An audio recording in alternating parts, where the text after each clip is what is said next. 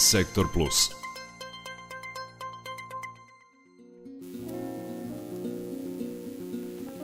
Prošlo je 12 sati za tačno 13 minuta i ovo je poslednji sat prepodnevnog programa za ovu sredu i ovaj poslednji sat e, otvaramo rubrikom Sektor Plus e, sredom e, uvek u fokusu teme o obrazovanju, ali ovoga puta imamo jedan miks obrazovanja i zdravstva, o čemu i reč. Naime, dok se još uvek razmišlja o uvođenju nastave o reproduktivnom zdravlju među mladima uzrasta od 15 do 19 godina sve više maloletničkih trudnoća koje se završavaju prekidom, upotreba kontracepcije je na minimalnom nivou, svega 3% devojaka koristi kontraceptivne pilule, dok 15% parova koristi kondom. O pojedinim polnim bolestima maloletnici još uvek nemaju nikakva saznanja. Znanja kod mladih o načinima zaštite nisu zadovoljavajuća, pa su edukacija i otvoreni razgovori preko potrebni. Ovo je zaključak na nedavno održanom predavanju o kontracepciji u Gradskom centru za unapređenje reproduktivnog zdravlja Novi Sad. Priču donosi Biljana Kuriš. 16-godišnjakinje Aleksandra Pavlović, Sara Ratkov i Iva Cicmil slažu se u tome da je neophodno što više pričati na temu zaštite i unapređenja reproduktivnog zdravlja i da to što ih je ponekad sramota da o tome govore nije prepreka da pitaju sve što ih zanima. Pa meni je nekako, da kažem, neshvatljivo da se zapravo ome ne priča zato što je zapravo jako bitna tema i zato što mnogo mladih ljudi uopšte ne zna o tome i nije ih briga i onda kad se susretnu sa situacijom ne znaju šta da rade i ne znaju kako je do, došlo do toga.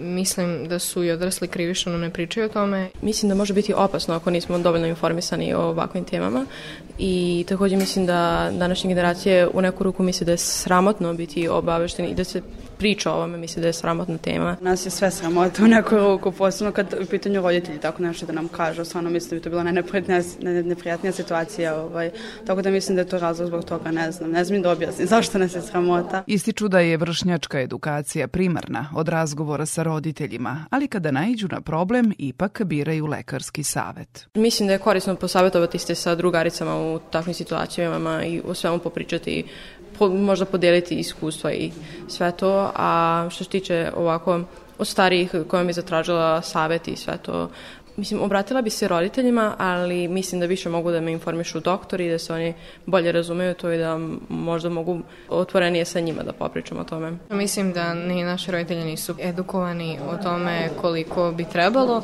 i Mislim, kao imaju oni stvari da nam kažu, to, je, to stoji, ali mislim da doktorka je tako neko može više da nam kaže sa nekim proverenim informacijama. Mislim da nekako dobijemo realnu sliku cijelog ovog problema kada neka naša drugarica, što god da radi po pitanju toga, kad su mi neki posmetrači, nekako dobijemo zapravo realnu sliku svega toga i zapravo nam dođe do glave svih problemi i sve što se dešava. Tako da mislim da to, kad pričamo s prijateljima, to zapravo više važno nego ovako neki događaj. Strah od trudnoće i širenje polnih bolesti su nemerljivo prva ozbiljna prepreka kod mladih pristupanju u seksualne odnose.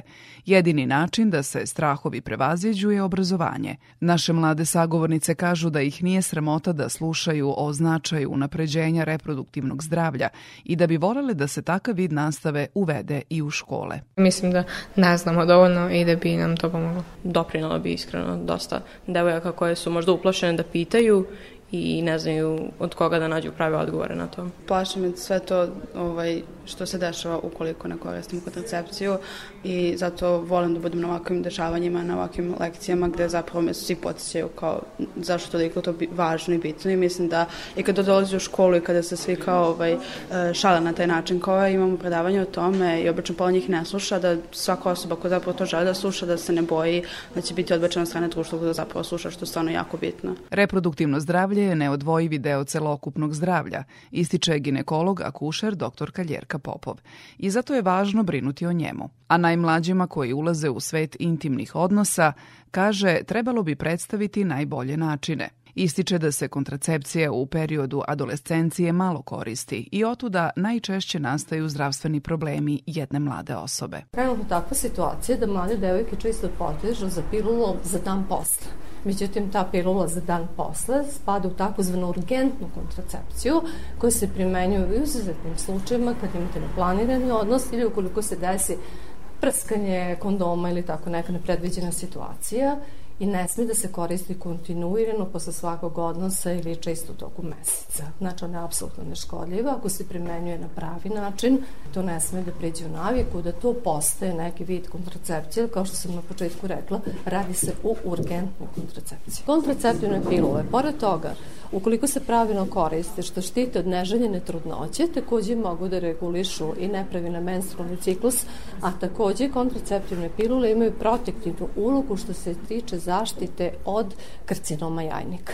Jer u poslednje vreme, znači karcinom jajnika se javlja u sve većem procentu i kod sve mlađe žena. Prema istraživanjima, mladi u Novom Sadu su veoma malo informisani o zaštiti od neželjene trudnoće i polno prenosivih bolesti, navodi primarius dr. Miloš Radumilo. Dodaje da je njih manje od 30% koji imaju ispravne informacije, a samo 5% dečaka dobijaju prave i proverene informacije od roditelja ili lekara. Zato se na predavanju o kontracepciji još jednom ponovilo da je neophodno uvesti nastavu o unapređenju reproduktivnog zdravlja u obrazovni sistem. Međutim, nailazi se na velike otpore kako u samoj lokalnoj zajednici, tako i u nekom dobrom delu roditelja.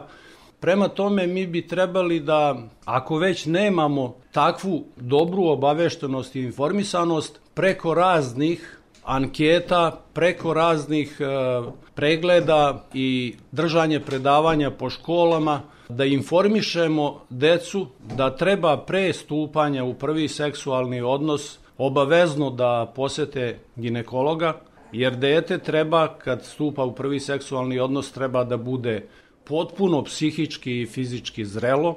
Treba da kažemo da prilikom svakog seksualnog odnosa treba koristiti zaštitu, to jest kondom, jer on sprečava i od e, polno prenosivih bolesti, a i od neželjene trudnoće.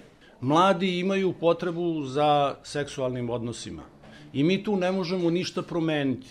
Znači, trebalo bi da ih mi više slušamo, da ih razumemo, da im dajemo podršku i da im dajemo savete kako će to da obave na neki najbolji način. Gradski centar za unapređenje reproduktivnog zdravlja Novi Sad i Savetovalište za mlade u Domu zdravlja je za sada prava adresa za edukaciju, razgovori i savetovanje u vezi sa nedoumicama za očuvanje i unapređenje reproduktivnog zdravlja kod mladih, ali i sa stupanjem u prve seksualne odnose, kaže savjetnica specijalista socijalne medicine Dragana Zarić.